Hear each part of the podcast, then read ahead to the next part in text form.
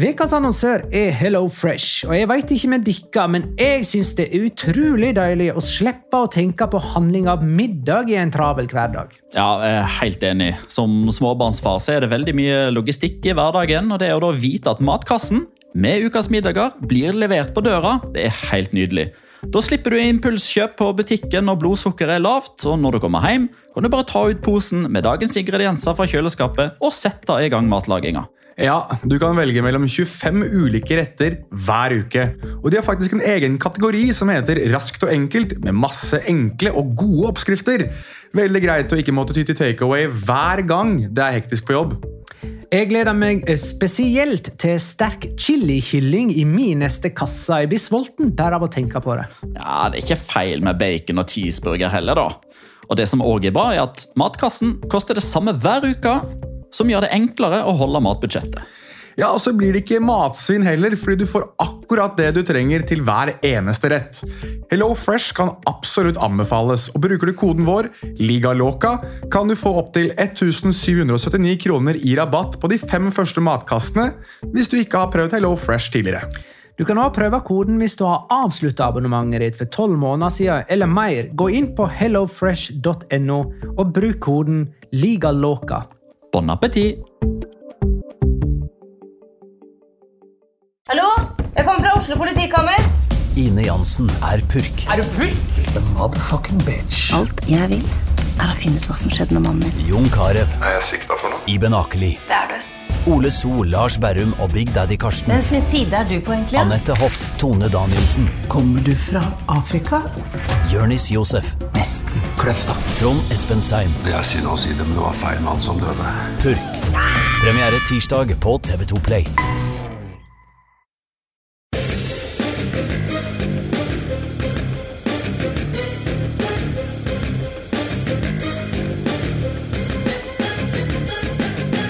Har du sett? Keeperen har ingenting å tape på straffe, ble det sagt en gang. Men det var før Sergio Ramos gjorde Panenka-straffe til noe dagligdags. Og starta en Panenka-bonanza vi aldri har sett før. Plutselig har straffespark blitt keeperens mareritt, og ingen har vel blitt kritisert som Rune Jarstein for en straffe baklengs. La liga loca. En litt gærnere fotball. Ja, ja, ja, ja, ja. Dette er La Liga Locca, episode 68, med meg, Magna Kvalvik. Hei. Og det er Jonas Giæver. Hei. Buenas tardes. Og Peter Wæland. Hei. Hei! Hvordan eh, går det? Jo, det går eh, ganske så bra. Tilbake til hverdagen, tilbake til kalde Norge. Jeg har klart å tråkke over, så jeg tror jeg har en mild forstuelse på høyrefoten min. Men ellers så går Klarte det du det på de bratte tribunene på Mestøya? Hashtag snikskryt kalles dette. At jeg har forstuet foten min, ja. ja, ja det var jo også noe å gjorde, skryte av. gjorde du ikke det på trening? Nei, jeg gjorde det på vei fra trening. Ja. Hashtag snill. Trent så hardt at uh, ankelmuskulaturen var svekka. Ja, ja ok. Snikskryt der, altså. Nei, men det var kjekt i Valencia, da, gutta. Det var det. Det var mye mer behagelig enn det var uh, her uh, temperaturmessig. Og fotballen er jo også da av høyere kvalitet på stadion der enn den er her, må jeg være såpass ærlig å mene. Eh, Spania-Norge 2-1. Eh, Rodrigo Moreno skåra først før eh, Spania. King utligna for Norge. Ramos eh, satte inn 2-1. Eh, Det som jeg var litt sånn takknemlig for, for mens jeg satt på tribunen, var at det var spenning hele veien. Jeg var litt redd, selv om jeg tippa 2-1 til Spania, så var jeg jo litt redd det kunne være sånn 2-3-0 etter 20 minutter. Var det sånn hashtag snikskryt for at du hadde rett på tippinga?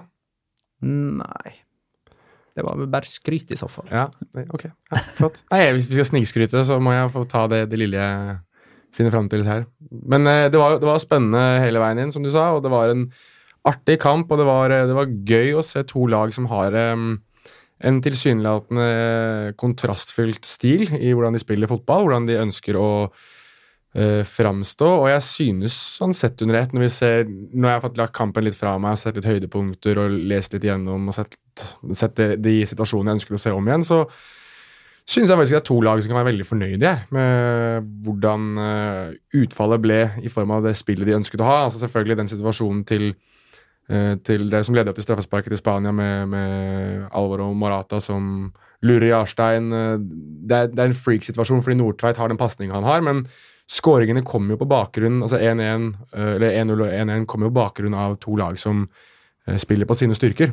Og, og jeg tror både Luis eh, Henrique og Lars Lagerbäck sitter med mer positive svar enn negative svar etter den kampen her.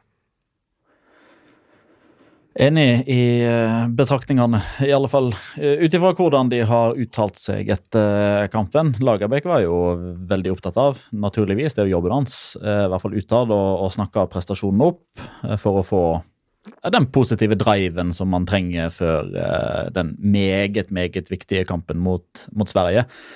Og jeg tror jo at hvis man på et eller annet sykt vis bare skulle ha transformert den eh, prestasjonen hos Spania over i en kamp mot Sverige, altså hvis alle spillerne holder det samme nivået, eh, bare at motstanderen er annerledes, så skal det holde til å ta i hvert fall poeng mot, eh, mot Sverige. Men, men, prestasjonen blir jo allikevel eh, hvis man ser på det med et perspektiv, da, allikevel altfor dårlig mot Spania.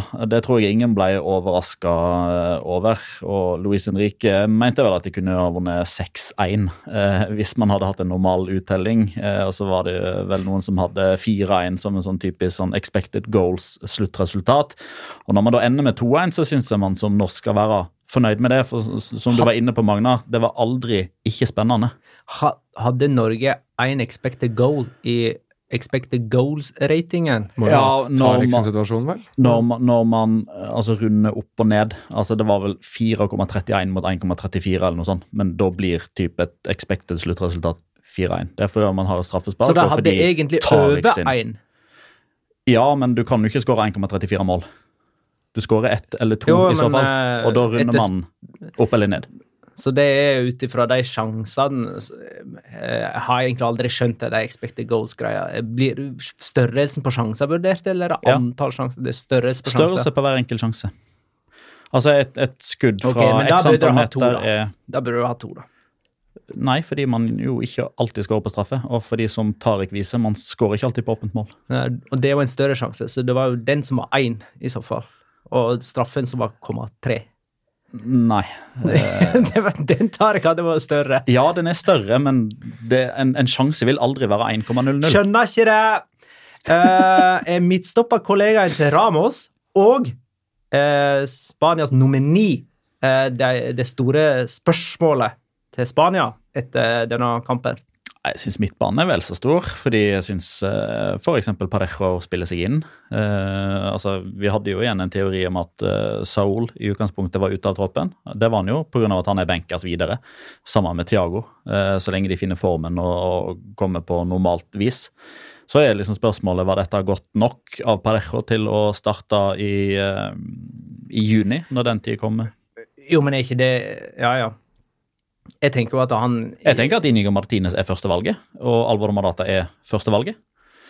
Ikke sikker på om Dani Parejo er førstevalget. Ut ifra startelveren. Nei, men jeg tenkte nå egentlig mer på lang sikt som at eh, Inigo Martinez som partneren til Sergio Ramos er et større problem enn Altså, Parejo lånte bare en midtbaneposisjon i denne kampen her uansett. tenkte jeg. Ja, hvis man problematiserer det, da, er, da begynner jeg å bli enig. For Inigo Martinez var jo mannen som lagde straffesparket i duellen med Bjørn Mars Johnsen. Og hadde jo òg et par andre situasjoner som ikke var 100 Og mm. Jonas har en grimase her nå som tyder på at han har noe på hjertet. Nei, jeg egentlig bare reflekterer over det dere sier, rett og slett. Eh, jeg, men jeg synes jo, hvis du skal ta Daniel Parejo sin situasjon kontra Inigo Martinez situasjon, så har du alternativer på midtbanen. Du har vel ikke sånn kjempemange alternativer i midtforsvaret der som er altså, soleklart bedre enn det Inigo Martinez er. Altså, jeg synes det, de, de, altså, de udiskutible, eller udiskutable eh, midtstopperne til Spania før var Piqué og Ramos, og det er greit nok, men etter de to så var det jo veldig sånn bingo hvem som var de neste på lista.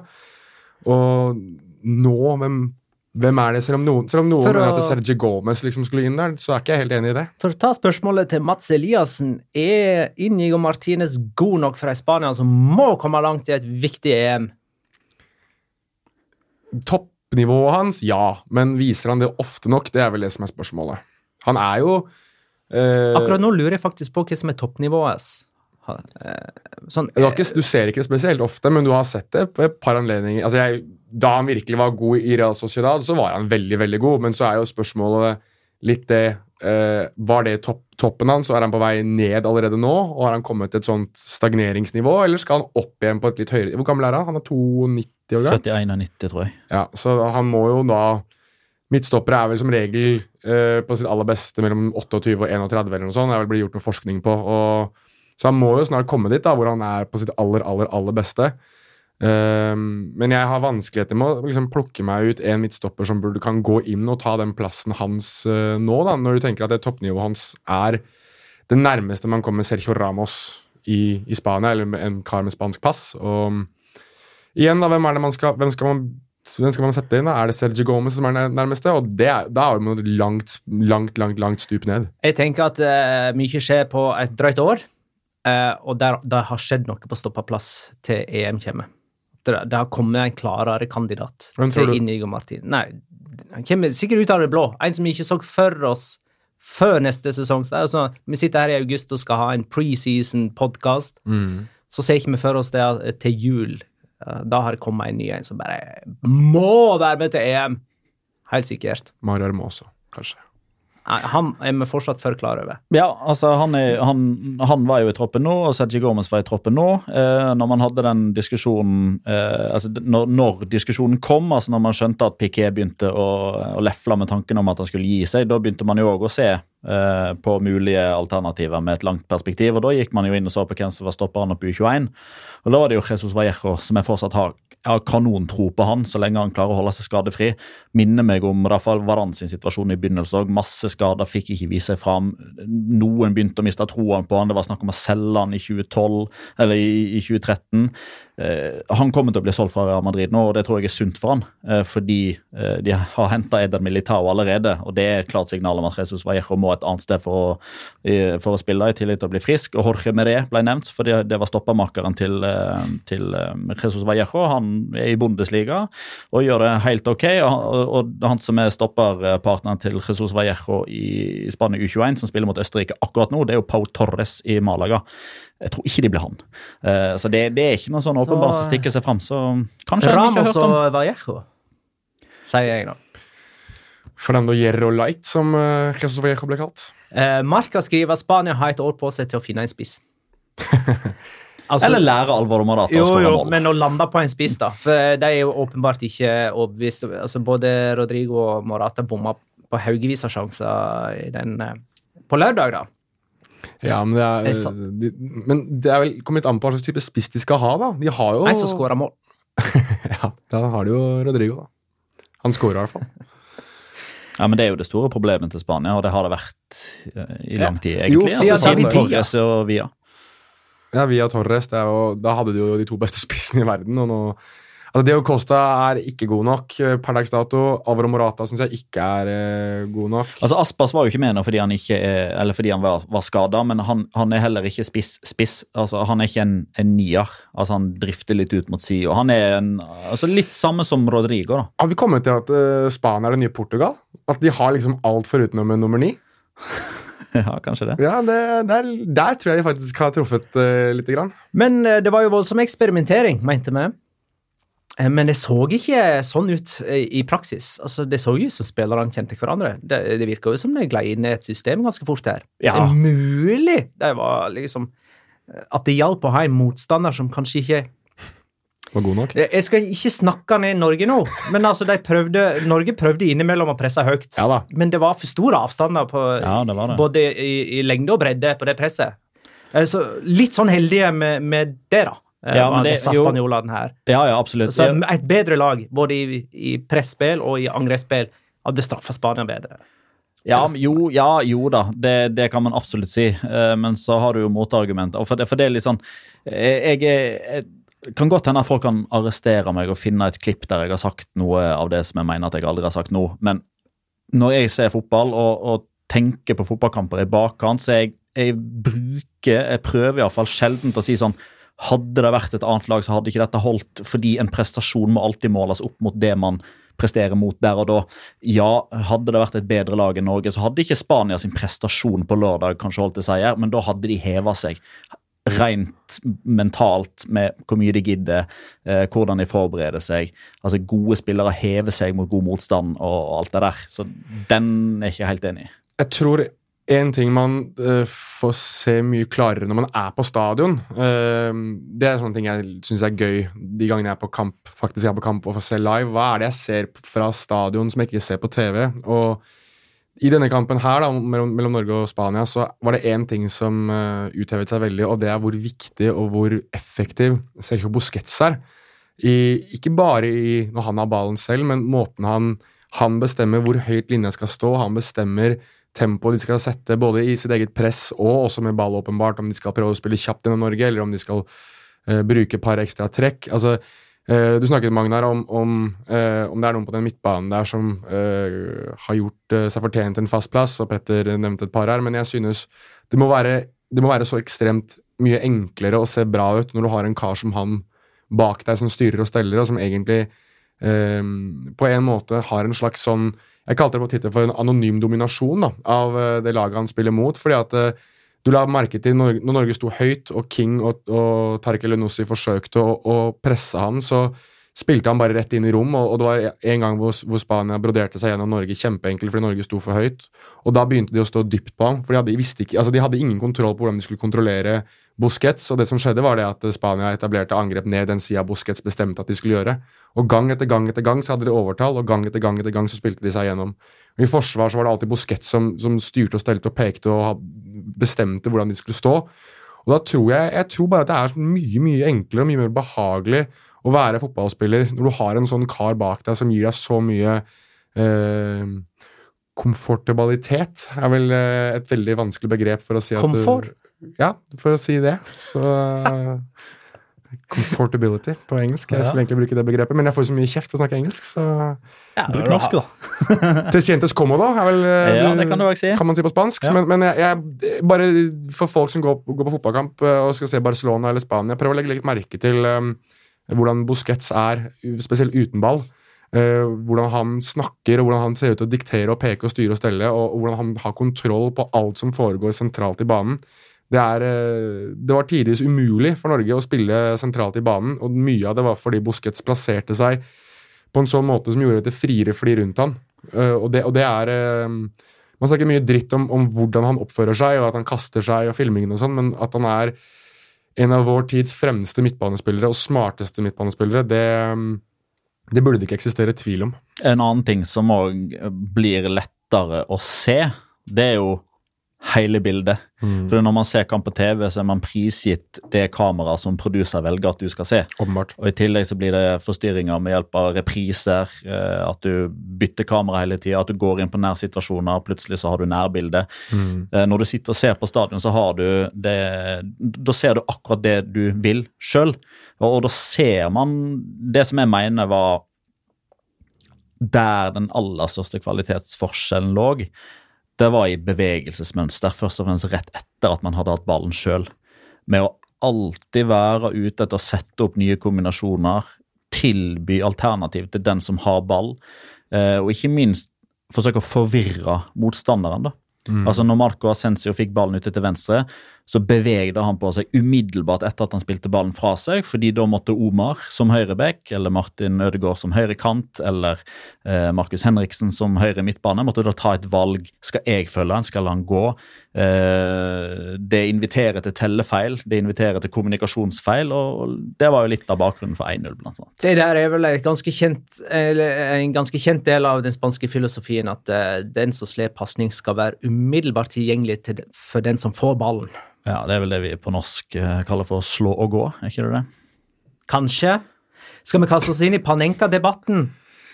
Ja. Adnan Sana... Hvordan blir dette? Sananic eller Sananic? Uh, skriver Sergio Ramos og Panenka-straffen. Ingen keepere som har lært leksa!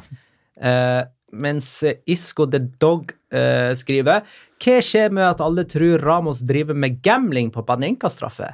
Ja, noe gambling er det, men han ser tydelig Eller, men man ser tydelig at han leser keeper i oppløpet. Med andre ord, straffe, det kan han. Underforstått her. Uh, Ramos uh, slår Panenka-straffe fordi at han ser en bevegelse hos keeper.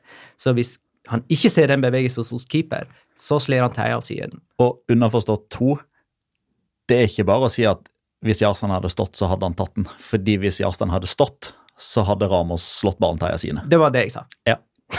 Men jeg tror, eh, jeg tror det Ramos har på de aller fleste keepere nå, er at han har jo et psykologisk overtak. For at du, du vet Det var jo det Jarstein sa etter kampen òg, at eh, han hadde visstnok sagt til en kompis før kampen at hvis det blir straffe og Ramos skal ta den, så skal han stå. Han skal stå midt i mål, for han veit at han kommer til å slå Panenka. Men så innrømmet han etter kampen at i kampens hete så klarte han ikke å stole helt på det, og måtte gå til en av sidene. Og det er jo litt det psykologiske overtaket Ramos sikkert har på veldig mange keepere. For jeg tror alle keepere vet at han kan finne på å gjøre det. At han er gæren nok i huet til å gjøre det flere ganger. Men skal du være han keeperen som står stille, og hvis du faktisk står stille, hva skjer hvis han faktisk banker ned en av hjørnene, da? Og du bare står der og ikke gjør noen ting? Du, Da ser du ut som Jan Oblak. For eksempel. Han står veldig ofte. Og Ja. derfor slinger keeperne seg nemlig. Det der har jo noen forska på. Mm. De er redd for at det ser ut som de ikke prøver, hvis de blir stående. Og dermed så, så har det kommet inn et fryktelement for keepere på straffe. Nemlig at det, det, det ser verre ut for dem hvis de står mens skuddet går til sides, enn eh, det ser verre ut enn, at, enn det gjør for en, en eh, straffeskytter som skyter midt på mål eh, og får straffen redda.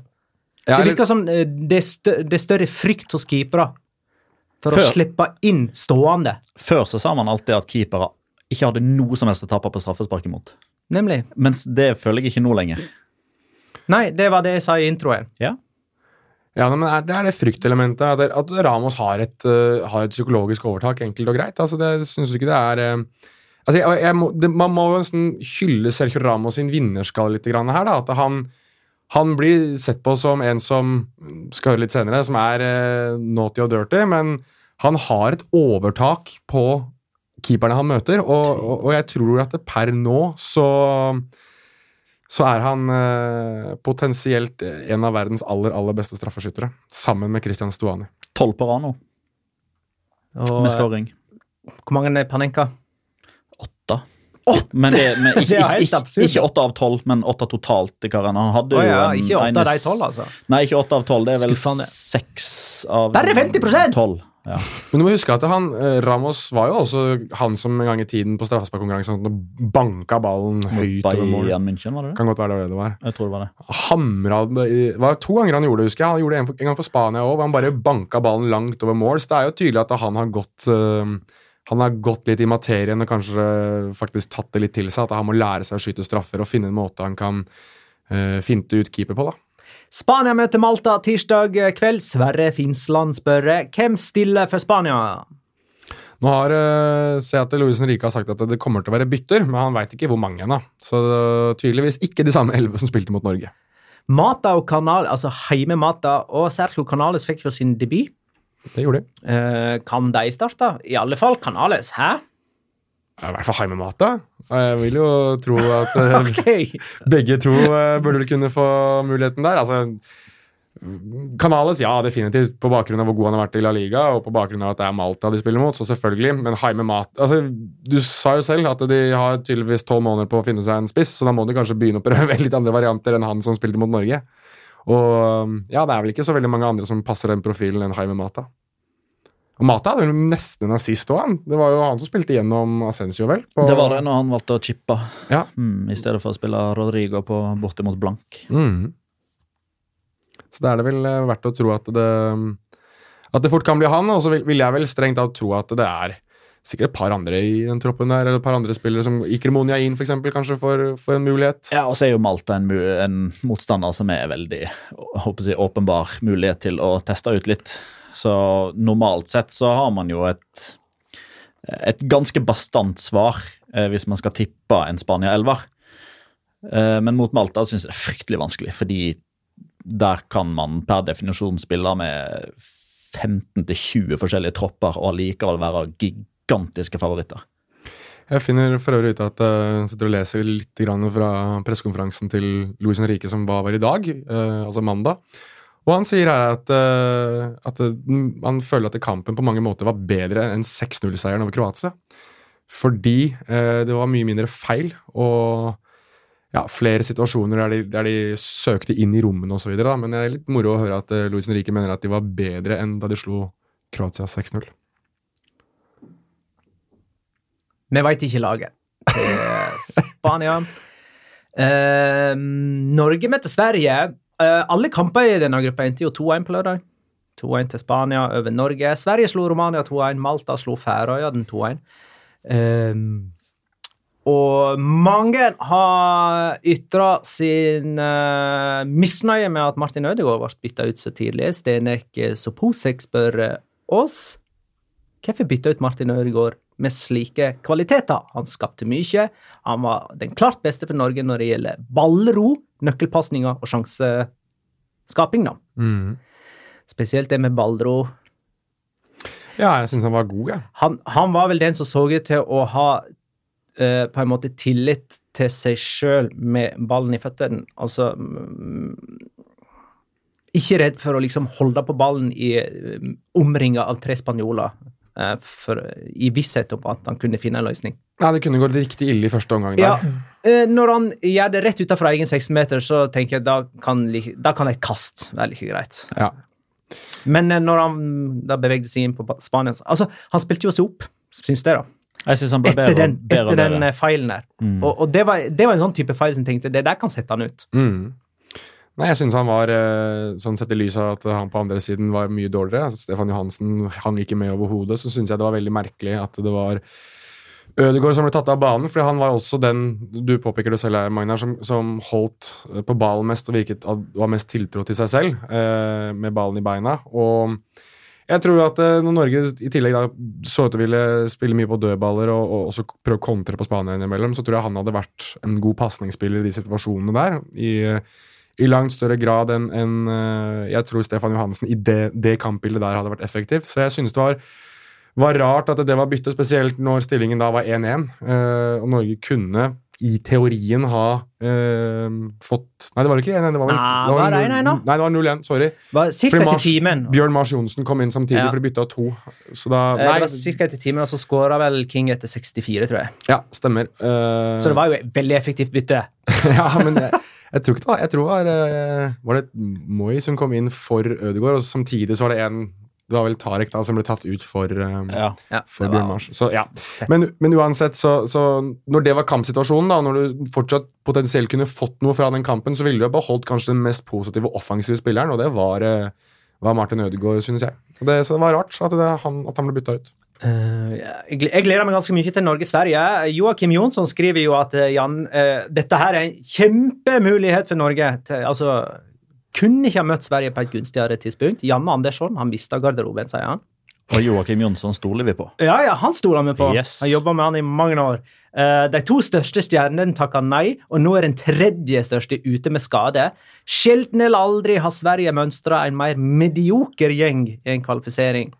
Han, er, jo- han er jo ikke en, en sånn, sånn spissformulert type, han Joakim Jonsson heller. Han veit ikke hvor capslock er på tastaturet. uh, Tobias Storhus Dale, uh, hei, hei, Halla. uh, setter opp eh, sin eh, norske elver. Don Rune i mål. Don Rune. Omar, Nordtveit, Ayer og Heitam i eh, forsvarslinja. På høyre kant Linnes, venstre kant Moi, eh, Henriksen og Selnes eh, i midten. Messi de la Norvega rett bak King. Er det Ødegaard, da, som er Messi de la Norvega? Ja, jeg vil eh, tro det. Eh, spør du meg, så hadde jeg satt Messi de la Norvega ned på kanten for Linnes, og inn med Mars Johnsen. Jeg er helt enig. Min eh, favoritt eh, norske spiller for øyeblikket. Mm. Eh, Men jeg ville hatt inn Sigurd Rosted i Midtforsvaret. Ja, for ikke eh, Håvard dumt. Ikke dumt! Da har vi de tre endringene, da. Og, det, og det, har, det har ingenting med at det var Nordtveit som spilte den pasninga tilbake igjen på eh, på Mesteia, som førte til straffesparket. Det er mer det at Litt. Nei. Det er mer, Litt. nei. Bitte litt? Nei. Det er mer, nei, men det hadde jeg ment uansett om han gjorde det eller ikke. Nei. Rett og slett fordi jeg vil, jeg vil ha inn den galskapen til Sigurd Rosted i motstanderens boks til å skåre mål på dødball.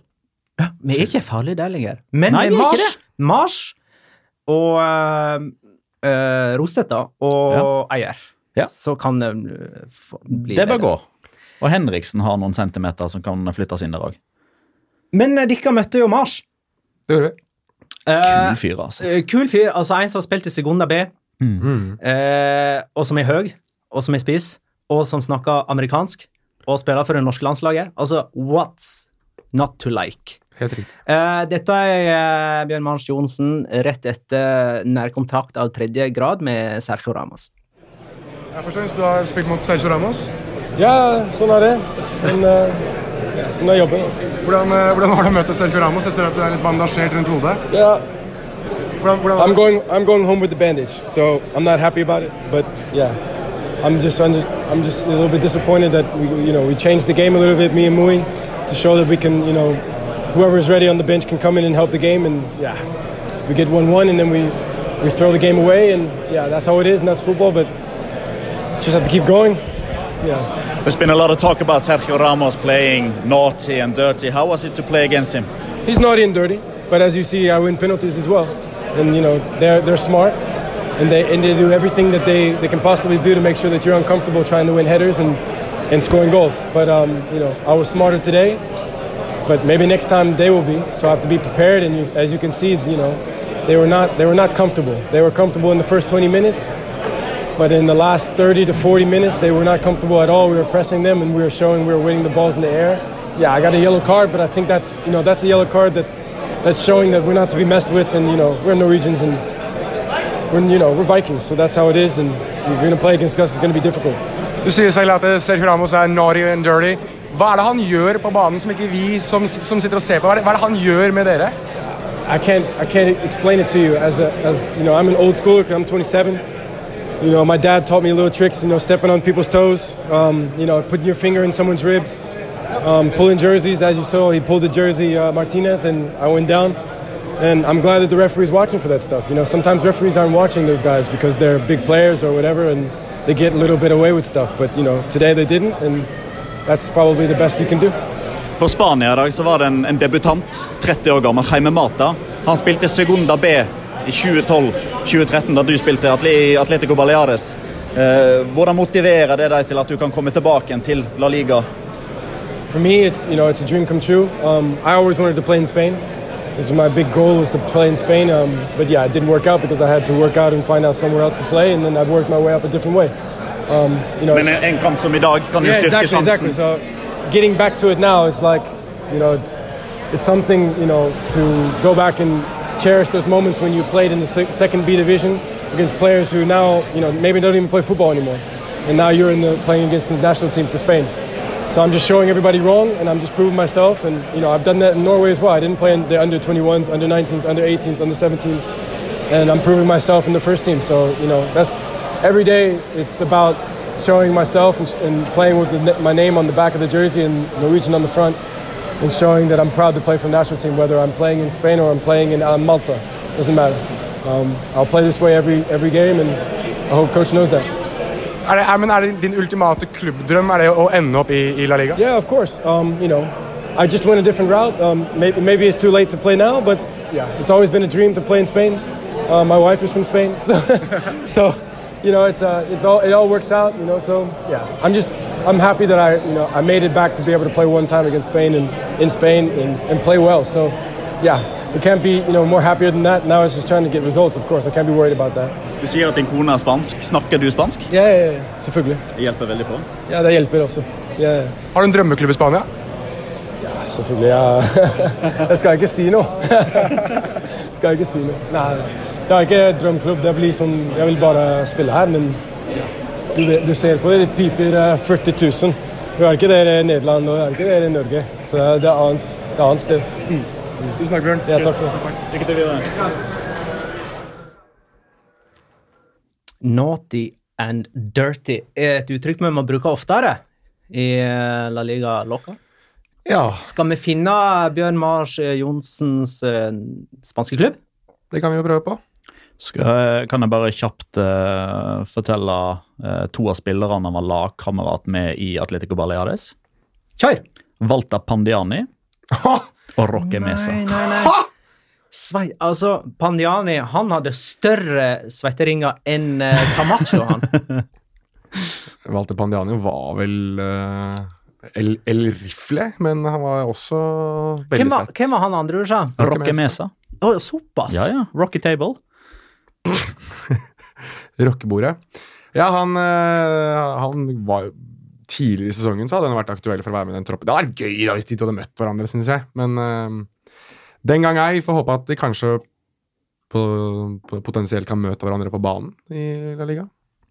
Skal vi prøve å finne en klubb? Kom. Nei, jeg vet ikke hvilken, hvilken som utkrystalliserer seg mest. Jeg synes Altså, jo han, han, han, blei ble jo linka til en spansk klubb uh, forrige sommer. Ja, Levante. Ja, Hvor mye det var i det, er litt usikker på. Men, eh, men når man da begynte liksom å, å fundere litt ja, hvordan kunne dette funka Det kunne ha funka. Kunne funka veldig bra. Jeg synes eh, Getafe. Han skal jo Du, for Heimemata. Ja, du sa klubben jeg tenkte å sorry. Det går bra. Heimemata Mata bra. blir jo solgt nå når de spiller seg inn i Champions League. Ja. Eh, Sona rykker jo opp. eh, for å følge Walter Pandiani-trøkket litt. Han var vel innom Osasona litt. Grann. Han var jo det. Ja. De trenger en uh, Mars på topp. Alaves, da. For Ja, eksempel. Gidetti er jo ikke god nok der. Så Nei, jeg syns Bjørn Mars Johnsen er bedre enn John Guidetti. Ja. Må jeg være såpass ærlig å mene. Men uh, Ok, da har vi nevnt uh, Osasona, Getafe, Alaves og hvem var det? Levante. Fire eh, kunne, en- en han, av de han, fire han kunne spilt på topp eh, for Eibar òg. Mm. kunne det. Det kunne Jeg, Men jeg tror, jeg tror at han hadde hatt en god rolle som sånn impact-spiller òg, i de, de aller fleste litt sånn fysiske altså Sånn som han gjorde mot, uh, mot Spania. Han kom jo inn og lagde froer inn i boksen ja. til Spania. Atletico kunne ha trengt han uh, i sluttminuttene mot Juventus. Ja, det kunne de sikkert ha trengt. Jeg vet ikke helt om han holder så høyt nivå, men uh, at, det, han, at han gir alt, og at han ønsker å ofre absolutt alt for det laget han spiller for, det syns jeg ble veldig åpenbart både på banen og i intervjuet. Og så syns jeg det er gøy at han tør å snakke litt grann om at Ramos er naughty og dirty. da. At han, Kontra Joshua King, som var veldig på det at Ra- Ramos visstnok var så hyggelig og koselig. Det hyggeligste han hadde møtt, Ja, faktisk. Han sa det, eller i alle fall ifølge Marka, da. Jeg veit ikke, vet ikke hva godeste Joshua King og Ramos Jo, men de hadde en liten oppskværing, tror jeg, på banen. Eh, for jeg så de hadde handshakes etter taklinger og sånt eh, underveis. De hadde en diskusjon. Ja, men jeg vil ikke se sånn. Jeg vil se, vil se en spiss på Norge som eh, heller går og banker opp Ramos litt og smeller litt albuer og bruker litt eh, kropp og dytter og smeller litt inn. Og det er jo litt Nei, sånn det- Mars var. Og det sa han jo, det hørte man jo nettopp i intervjuet her også, at han hadde et par tjuvtriks som han eh, visste hvordan han skulle slenge, slenge inn på Ramos og tråkke litt på foten og litt sånn også. Det er jo, Sånt syns jeg er gøy. Sånt vil jo jeg se i en spiss som kanskje er eh, teknisk underlegen. Da må du jo spille på det du virkelig er god på, og det er Jo, men King ingen parkerte han jo i løpsdueller. Det, det er jo en måte å gjøre det på. Ja, men Jeg vil ikke høre at det er så koselig når du møter Sergio Nei, Ramos. men- Jeg vil høre at det er faenskap! Jeg har ombestemt meg. Eh, ok. Eh, Bjørn Mars Johnsen, hvor jeg vil se han. Ja, kom igjen. Han skal selvfølgelig være spisspar sammen med Josef Nesseri i Leganes. Åh. Da lurer jeg på Blir ikke det to litt for like typer? Se på Martin Braithwaite, da. Blir ikke det tre litt for like typer? Nei, men Han er jo, han er jo bare på lån fra Middlesbrough. De har ikke råd til å kjøpe han ut. Hvis du får en, en nordmann og en marokkaner på topp i uh, Leganes tenker da eh, Ja, det er mulig jeg må flytte til Leganes og bli sesongkortinnehaver. Meg og Weird Al Jankovic. Da har vi det på plass. Eh, vi må eh, bevege oss litt uh, rundt med stort og, og smått. Uh, Messi var jo tilbake for Argentina. Paco Hemes er tilbake i Rayo Vallecano om bitte litt. Vi begynner med Messi, kanskje. Det kan vi godt. Hvor lenge var han egentlig ute? Siden VM.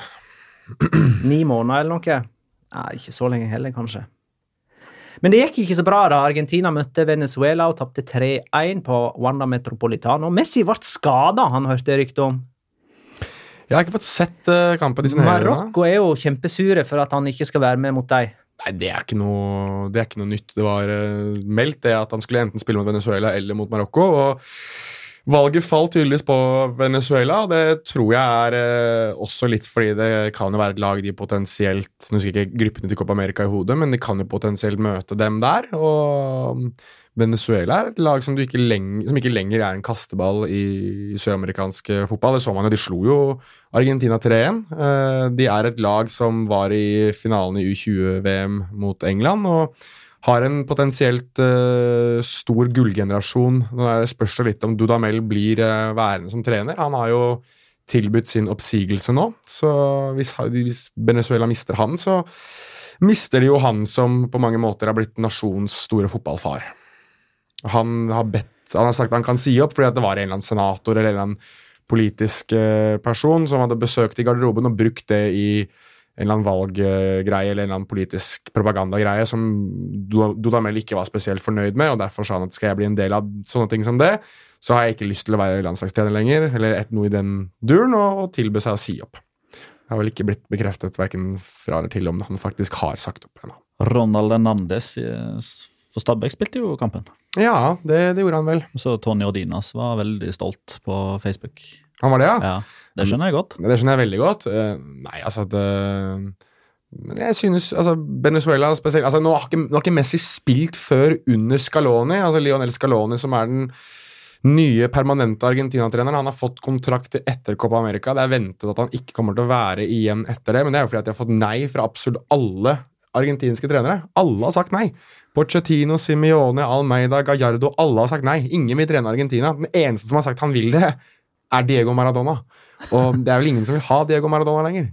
Uh, og det er jo I tide og utide så klager Maradona over det. Men Messi hadde ikke spilt under Scaloni før, og, og Fikk jo da sikkert litt hakaslepp da han så at det, ting er ikke blitt så mye bedre etter Jorge Sampaoli. Bare en veldig liten uh, digresjon, for vi har jo vært inne på Christian Stuani og hans uh, stavemåte tidligere, og litt andre uh, søramerikanske, litt sånn rare varianter. Ja. I den venezuelanske landslagstroppen ja, så er det tre stykker som heter enten John eller John der, med J-H-O-N. Ja, det er veldig vanlig, det. Jo, John i eksempel skrives J. H-O-N-N-Y. Eller Johnny. Var det Passarella eller noe som sa at Messi hadde en annen attityd når han spilte for Argentina enn for Barcelona? Ja, men det er, eh, det er den evige debatten rundt Lionel Messi på landslaget. Men Daniel Passarella er vel en av de som, en av de som har vært uh, mest negative. Passarella som vel var kaptein i 78, vel. De vant VM på hjemmebane og regnes jo som den største argentinske midtstopperen noensinne. Han har jo vært veldig negativ til de aller meste. Han var jo den i For å ta en veldig kjapp passerelle-anekdote. Da han var trener for Argentina i 98, så beordret han jo eh, spillerne til å klippe håret sitt kort. Dette var på det tidspunktet da man hadde lang manke, og vi husker jo Batistota med lange hår og sånt nå, og sa til alle at de skulle klippe håret sitt kort. Eller så de var det han? Det var han.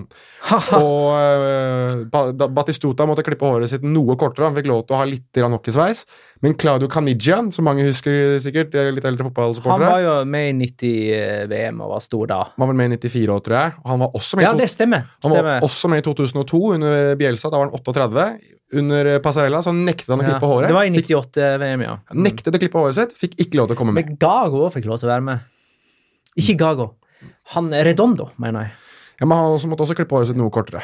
De måtte klippe seg, ellers så fikk de ikke lov til å spille. Ja, Sånn som jeg husker så fikk Rodondo bare det, det, fikk passere. Det, det, fikk gå, at han hadde langt hår. I så fall helt greit. Redondo fortjente det. Um, nei, men var det alt? Ja. Eh, når det gjelder andre landskamper, så spør jo Eirik Horvath oss hvorfor står ikke Mark-André Terstegen for Tyskland, og svaret er jeg veit ikke. Svaret er fordi Joakim Løv har Manuel Neuer som førstevalg så lenge han er Tysklands sjef. Ja, det er vel Svaret mitt er jeg veit ikke. Og svaret... det, er uf det er uforståelig at han aldri får muligheten. sånn sett. Altså, skulle han noen gang fått muligheten, så var det jo i VM. fordi da hadde Noya vært skada i, i oppladninga. Det minner jo litt om situasjonen til Iker Casillas og David De Gea i sin tid. At Casillas som var, eh, var i dårlig form selv om han var Real Madrid-keeper, Madrid så sto han fortsatt. Selv om David De Gea var mye bedre. Men uh, det er veldig veldig rart. da, Jeg er veldig enig i dere, i dere begge her, at uh, Ter Stegen ikke engang får en kamp. Det er jo, og Spesielt når Noira har vært i så nedadgående kurve over lengre tid. Uh, Det har skjedd ting siden sist uh, episode. I La Liga, Uh, nemlig at Mitchell har fått sparken. Det vil si, han fikk vel sparken sånn én time etter at vi var ferdig i studio forrige mandag.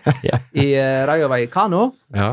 Eh, han er den ellevte treneren som får sparken i La Liga denne sesongen.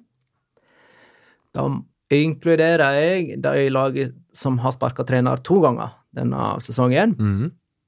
Jeg inkluderer ikke preseason. Um, ok, ja, jeg kan ta Sors, eh, eller Terje B, som han òg heter, spør eh, uten sammenligningsgrunnlag syns jeg det har vært uh, sparka veldig mange managere denne La Liga-sesongen. Hvordan stiller det seg i forhold til de siste fem sesongene på samme tidspunkt, vil si etter 28 runder? Eh, jeg så litt på det der. Jeg tror det da egentlig var til deg, Petter, det spørsmålet, men du er ikke tagga, så du har sikkert ikke fått det. Uh, så, forrige sesong så var det òg elleve Mm. som hadde fått sparken uh, innen mars. Uh, de to foregående sesongene var det ni. Og så lurer jeg på om det var åtte ganger før der, og den sesongen som skiller seg ut, det er 13-14-sesongen. Da var det bare fem hele sesongen. Oi. Så egentlig så ligger vi på det som er vanlig de siste sesongene, men litt mer nå, da. Og det, Med 11. det endte vel på 13 forrige sesong. For, ja, Ja. Ja, det er vel et par til som må gå i løpet av sesongen. For det kom noen i april òg, eller noe. Ja. ja, Kikki Sanchez Flores og Vincenzo Montella. Ja. Ah, Vincenzo. Montella. Men eh, det er altså Paco Hemes da, som kommer inn for trener, eh, som trener for Rayo Vallecano, og vi må jo le av det. Og han er jo en av de som får, fikk en start. ja, Rayo Vallecano har lagt opp til å sparke to trenere denne sesongen. her da.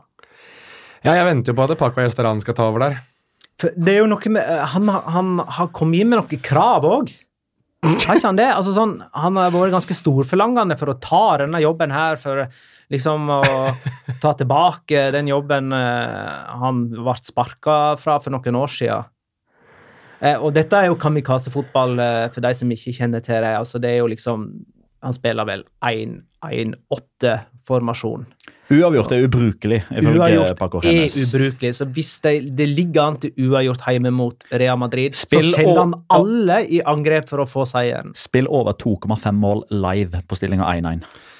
Det er jo også verdt å påpeke her at uh, for de som ikke kjenner Paco Hemes han er jo, altså De som ikke kjenner Rayo eller Paco Hemes Rayo er jo kanskje den mest folkelige klubben i La Liga, hvor det er altså Det røykes eh, et og annet, og folk sniker inn ølflasker, og det er liksom veldig sånn eh, Jeg får alltid inntrykk av at det er mer klubben for folk flest, da, som de som er litt lavere på rangstigen i samfunnet. Ja, og de tar samfunnsansvar. Og de tar samfunnsansvar også, selvfølgelig. Eh, men Paco Hemes reflekterer ikke akkurat det i væremåte. Han møter jo alltid opp veldig stilkledd og litt, nesten litt sånn arrogant i intervjuer. og litt sånn arrogant i Sånn herlig arrogant, syns jeg, da, i pressekonferanser. Eh, men, men det går veldig imot det jeg forbinder med Rayo. Men samtidig så er jo spillestilen hans er vel kanskje den mest kan vi kalle det rayoske spillestilen du får det. For det er jo uh, Peraltur Meryl balls wall uansett. Nesten bokstavelig talt balls wall, for det er jo en vegg Det det. på stadion. Så det Men han har jo vært altså, vi, vi sier jo det, han kommer tilbake igjen. Altså, han var der Ja i fire sesonger. Ja, ja. Uh, og jeg merker jo at eh, folk husker han for det som skjedde til slutt. Det er jo naturlig, fordi det var det som skjedde sist. Og man husker som regel det som skjedde sist, fordi det ligger nærmest i tid. Men eh, jeg, jeg vil jo si at han nesten er den mest suserike treneren Rayo har hatt i moderne tid. han tok det til åttende. åttendeplass. uh, og spilte fotball som jo Altså, Micho, Piti, Alberto Bueno Han får spisser eller offensive midtbanespillere til å skinne. Tenk hvor mange mål Raúl de Tomàs kommer til å skåre herfra til meg. Det er jo verdt å, å nevne her at uh, det var jo kanskje ikke noen majoritet, men det var jo enkelte som mente at han potensielt burde ha blitt vurdert til Spania-jobben. Jeg var ikke en av dem. Jeg sa at jeg syntes det hadde vært gøy hvis de hadde gitt et forsøk, men jeg var vel mer en sånn ha-ha-ha, det hadde vært gøy. Men det var noen som oppriktig mente at ja, gi han jobben, da blir det i hvert fall morsom fotball. Men det har jo ikke gått bra da, i de tre siste klubbene han har vært i. Altså, Rayo rykka jo ned. Eh, Granada rykka ned. Las Palmas rykka ned. Så har han vært en tur bort til Mexico, vel? Ja. Da gikk det jo heller ikke sånn kjempebra. Cruz Nei, han kommer på kant med pressen der borte, og var vel eh, temmelig persona Han var nærmere, han var nærmere Åge Hareide eh, med tanke på å ta oppgjør med pressen enn Lars Lagerbäck. Eh, yes. Takk for deg. Um, du ville snakke litt uh, om uh, Mateis de Licht uh, til Barcelona. Jonas, ville ikke du det? Ja, jeg så ikke, ja.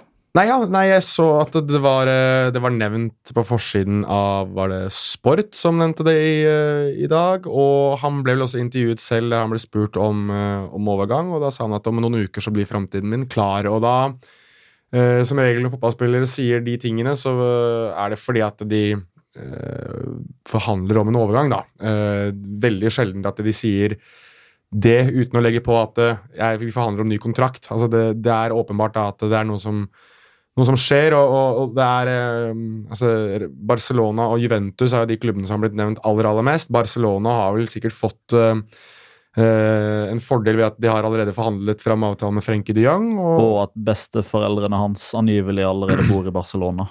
Ja, ikke sant? Da har du, har du den nå, og så var det nå snakk om at eh, han Todibo, som ble signert fra Toulouse i januar, han ryktes å bli sendt andre veien, så da får Ajax også en erstatter med en gang. eh, som selvfølgelig er en slags sweetener til en, til en hvilken som helst deal. og det, det gir veldig mening da, at det blir han som skal inn og på, på sikt erstatte Piquet og sikkert spille med om Titi, eller, eller potensielt blir en erstatter for hvis da eh, Real Madrid sier Barcelona skulle få et astronomisk bud på om Titi som det kobles og linkes til i øst og vest. Jeg tror ikke det skjer, men da har de i hvert fall forsikret seg eh, om det. Og så i tillegg til dette så nevnes det jo veldig ofte at eh, Barcelona ønsker å kjøpe André Onana, keeperen til Ajax, eh, som en potensiell erstatter hvis Jasper Sillesen skulle gå, som også kobles vekk en del. Han også er jo kjøpt fra Ajax. Så det at eh, Ajax og Det er jo liksom historisk sus over at Ajax og Barcelona driver og holder på med så mye deals igjen i disse Johan Cruyff-dager. Ja, og Nana har jo vel vært i Barcelona tidligere òg. Han var en del av det Samuel to Academy i City. Å ja, ja. Nei, men da gir det jo da gir det veldig mening, da. Så, så øhm, jeg, tror, jeg tror at det er, det er en enkel gateway da, mellom Barcelona og, og Ajax. Og jeg tror at det at de Jong-avtalen ble gjort såpass tidlig, også understreker det at det ligger noe positivt øh, potensielt også for de Jong. Men det negative for de Jongs del er at agenten hans heter Mino Raiola. Og for de som husker øh, Zlatans affær, aff som de sier på svensk, med med Barcelona så var det Mino Raiola som da satt og pusha og pressa på de høye herrer der, og det, han hadde ikke så veldig mye goodwill etter det. Så det gjenstår jo å se. Det er mange positive og mange negative sånn sett, men jeg tror det likt ender opp i, i Barcelona. Det virker bare som et tidsspørsmål. Det gjør det. Hvem heier med på i en kamp mellom DC Comics og Valencia? Nå trodde jeg du skulle si DC United der, faktisk, men uh, det her er jo Dette skulle være egentlig være Hvis du, hvis du skal gå til Okora-biten, så blir det i så fall den jeg tar med meg hit, og det er uh, det er så sinnssykt at uh, DC Comics bestemmer seg for å saksøke Valencia. Skal vi, skal vi kalle det vår locora denne mandagen, eller Ja. har du en til? Nei, jeg har ikke noen flere enn det. Ja, det var litt dumt at jeg tok han nå, da. Ja, men det går eh, fint. Da, da er det, det er litt locora, det, da. Men kan vi ikke- at eh, Ja. Jeg kan greie ut om det. Eh, Ja. DC Comics det, Dette har egentlig Dette har vært en konflikt en stund. Men DC Comics har sendt en klage til EUs Oi, nå, nå, skal jeg jobbe med tunga. EUs immaterialrettskontor.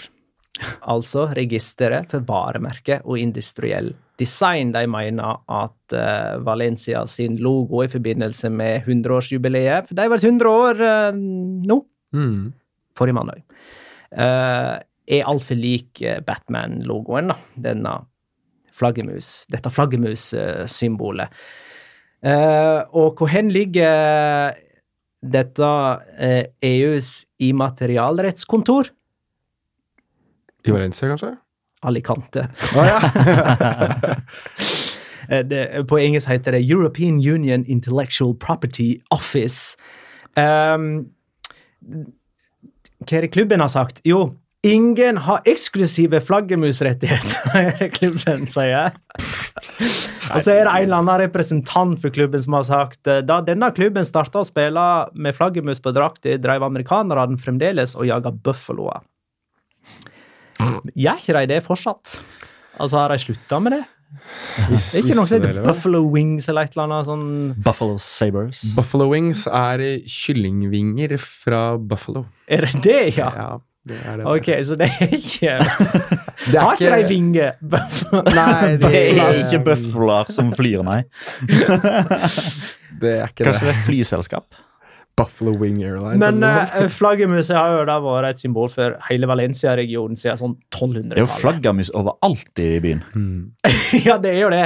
Det er jo deler av Catalonia også bruker eh, flaggermuset. Eh, og dessuten så, så er det jo 100 år siden at uh, Valencia fotballklubb ble stifta, da. 1919. Uh, 20 år senere kom Batman. Jeg syns det der er litt artig. altså. Jeg tror, ikke- jeg tror jeg har fått et nytt Magna Kvalvik-ord akkurat nå. Fram til nå så har det vært Baskadaden. Nå er det flaggermusi.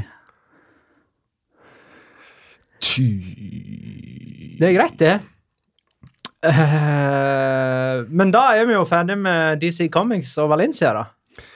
Ja. Ja, det La blir, oss sette en stor, svart Jeg heier på strek Valencia. over det. ja. Det er lov, det. Hva er det for noe? Nei, det er uh, ikke noe. Gå videre, du. Det er Petter som er uh, grisatt. Det er Jonas som er grisete. Sitter ikke og fiser? ja, du kan jo kalle det for det òg. Intellektuelle fjerter fra øst og vest her. Ja, nei, men eh, Skal vi snakke litt om Singoden, da, da, eller? Ja, la oss gjøre det.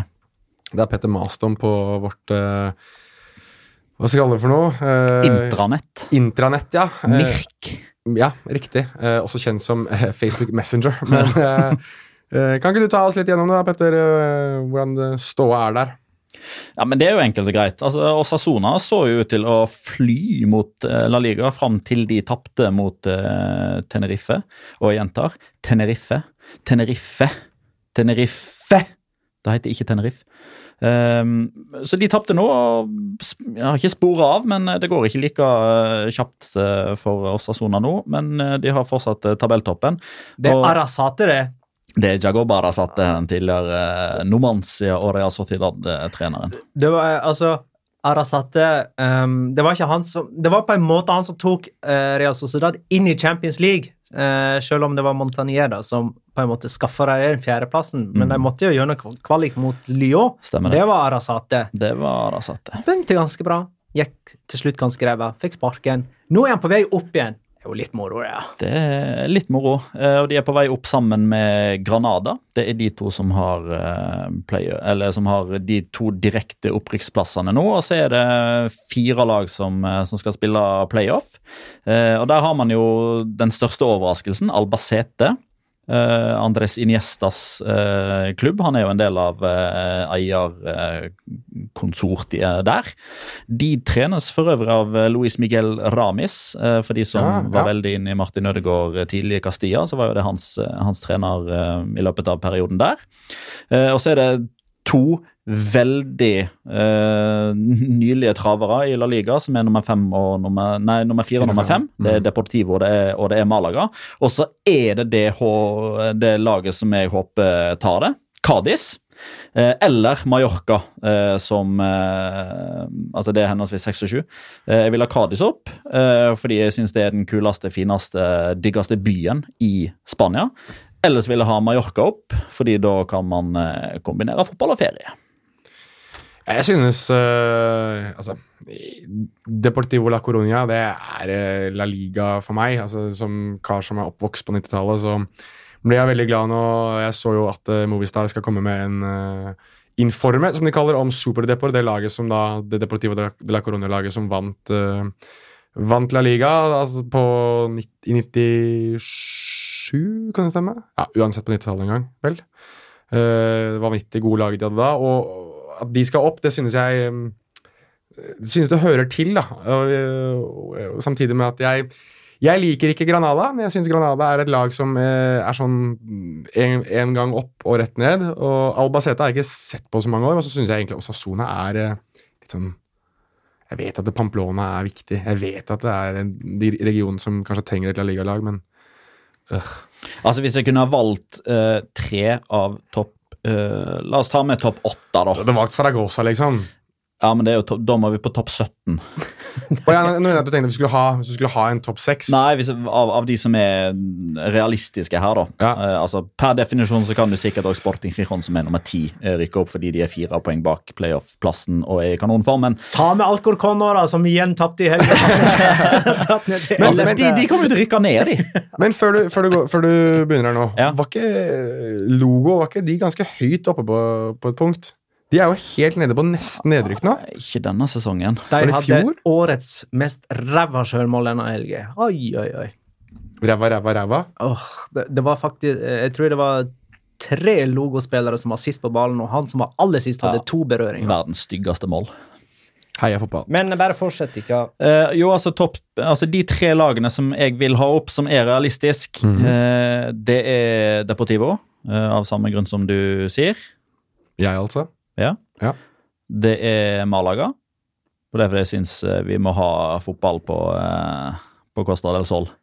Det må vi ha. Det er jo det er viktig å påpeke at uh, Malaga er, er er fortsatt hjembyen, vel, til uh, La Liga Loca på Ja, det er det. Det var der uh, La Liga Loca-ideen ble født. I hvert fall ideen er fra Malaga, så det er jo litt den, For vår del, for denne podkastens del, Mhm. så er det kanskje litt greit å kunne dra tilbake til fødebyen vår innimellom. Og så vil jeg ha Preal Oviedo. Ja, den ser jeg. Um, det var jo Astorias derby uh, denne helga. Flere kort enn mål, for å si det sånn. Ja, uh, vi har jo ofte bedt om å få Astorias derby opp i premiera. Det skjer ikke med det første. Hvem er Astorias Derby? Real, Oviedo og Sporting Gijon. Men ja, det var vel omvendt nå, på Ja. El Molinon. Altså Sporting hjemme. Mm. Eh, men eh, så lenge de er nå der, da, så lever Segunda i alle fall med, med de to fete oppgjørene. Når det gjelder Real Saragossa, som jeg har lengta lenge etter, så er det altså nummer 17. Vi har jo en som heter Magnus Holteberg, som kan litt om eh, Saragossa. Jeg måtte spørre han i dag hvorfor eh, hva som skjer med dem. Altså, de skal jo ligge mye høyere, høyere enn liksom to plasser fra nedrykk. Han skriver til meg Eh, ja, de uh, lir jo voldsomt av en uh, slutt, sluttproduktkrise. De styrer så å si alle kamper, men er sjelden farlige når de nærmer seg mål.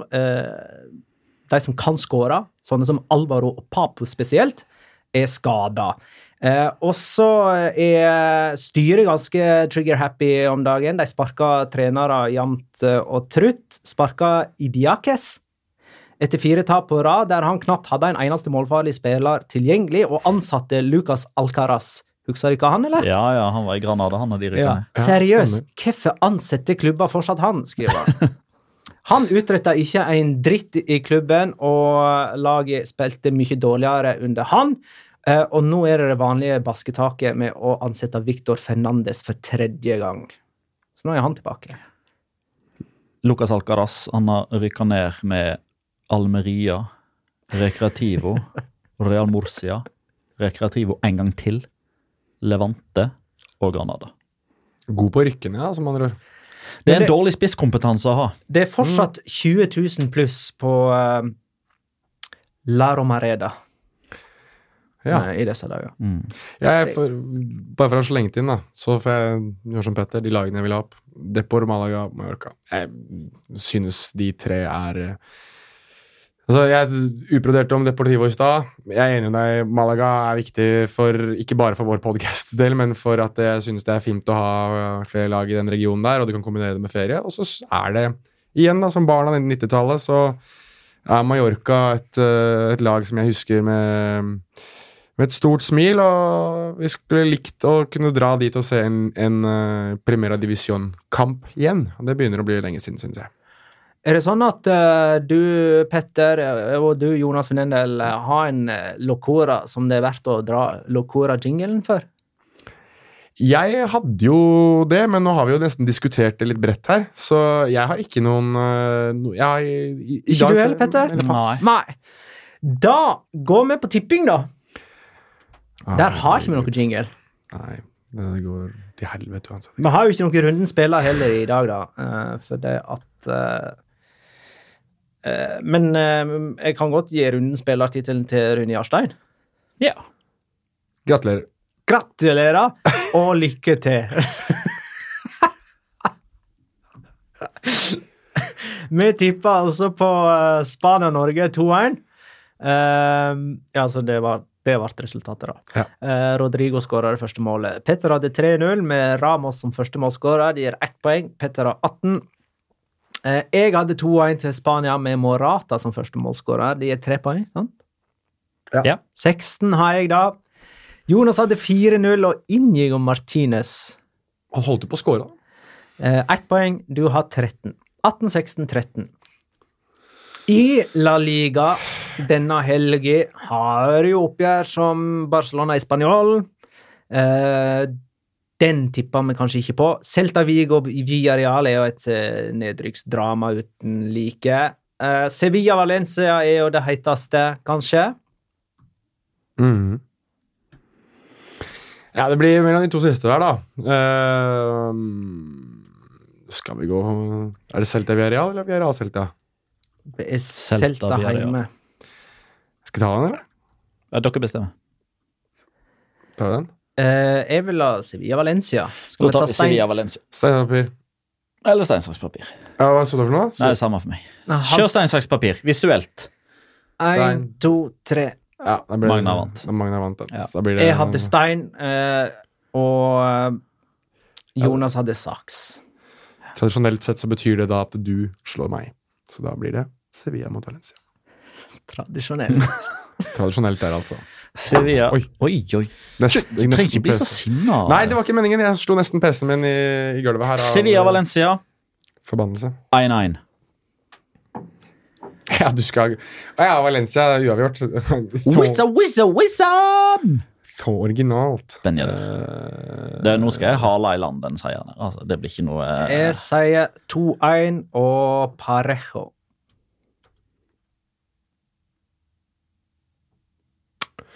Det er så kjipt, fordi at jeg må begynne å jage. Og ehm, Ja, jeg går for 3-1, jeg, da. Og ehm, Ja, for det var Sevilla hjemme, ikke sant? Ja. Ja, 3-1 og Wissam Ben Yedder. Ja, men så bra. Jeg må ha noe likt, jeg må ha noe ikke likt. Så det, det Tipping av meg, det er ræv råttent. Ok. Skal vi si det sånn, da? Ja, vi kan godt gjøre det! Tusen takk for eh, alle innspill. Tusen takk for alle spørsmål. Takk for alle kommentarer og stjerner vi får på iTunes. Det hjelper oss eh, veldig. Tusen takk for at du lytta, kjære lytter. Ha det, da!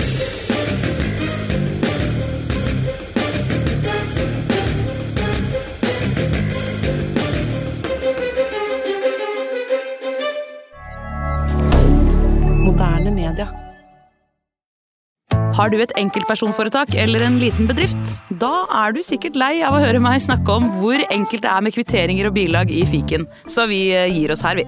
Fordi vi liker enkelt. Fiken superenkelt regnskap.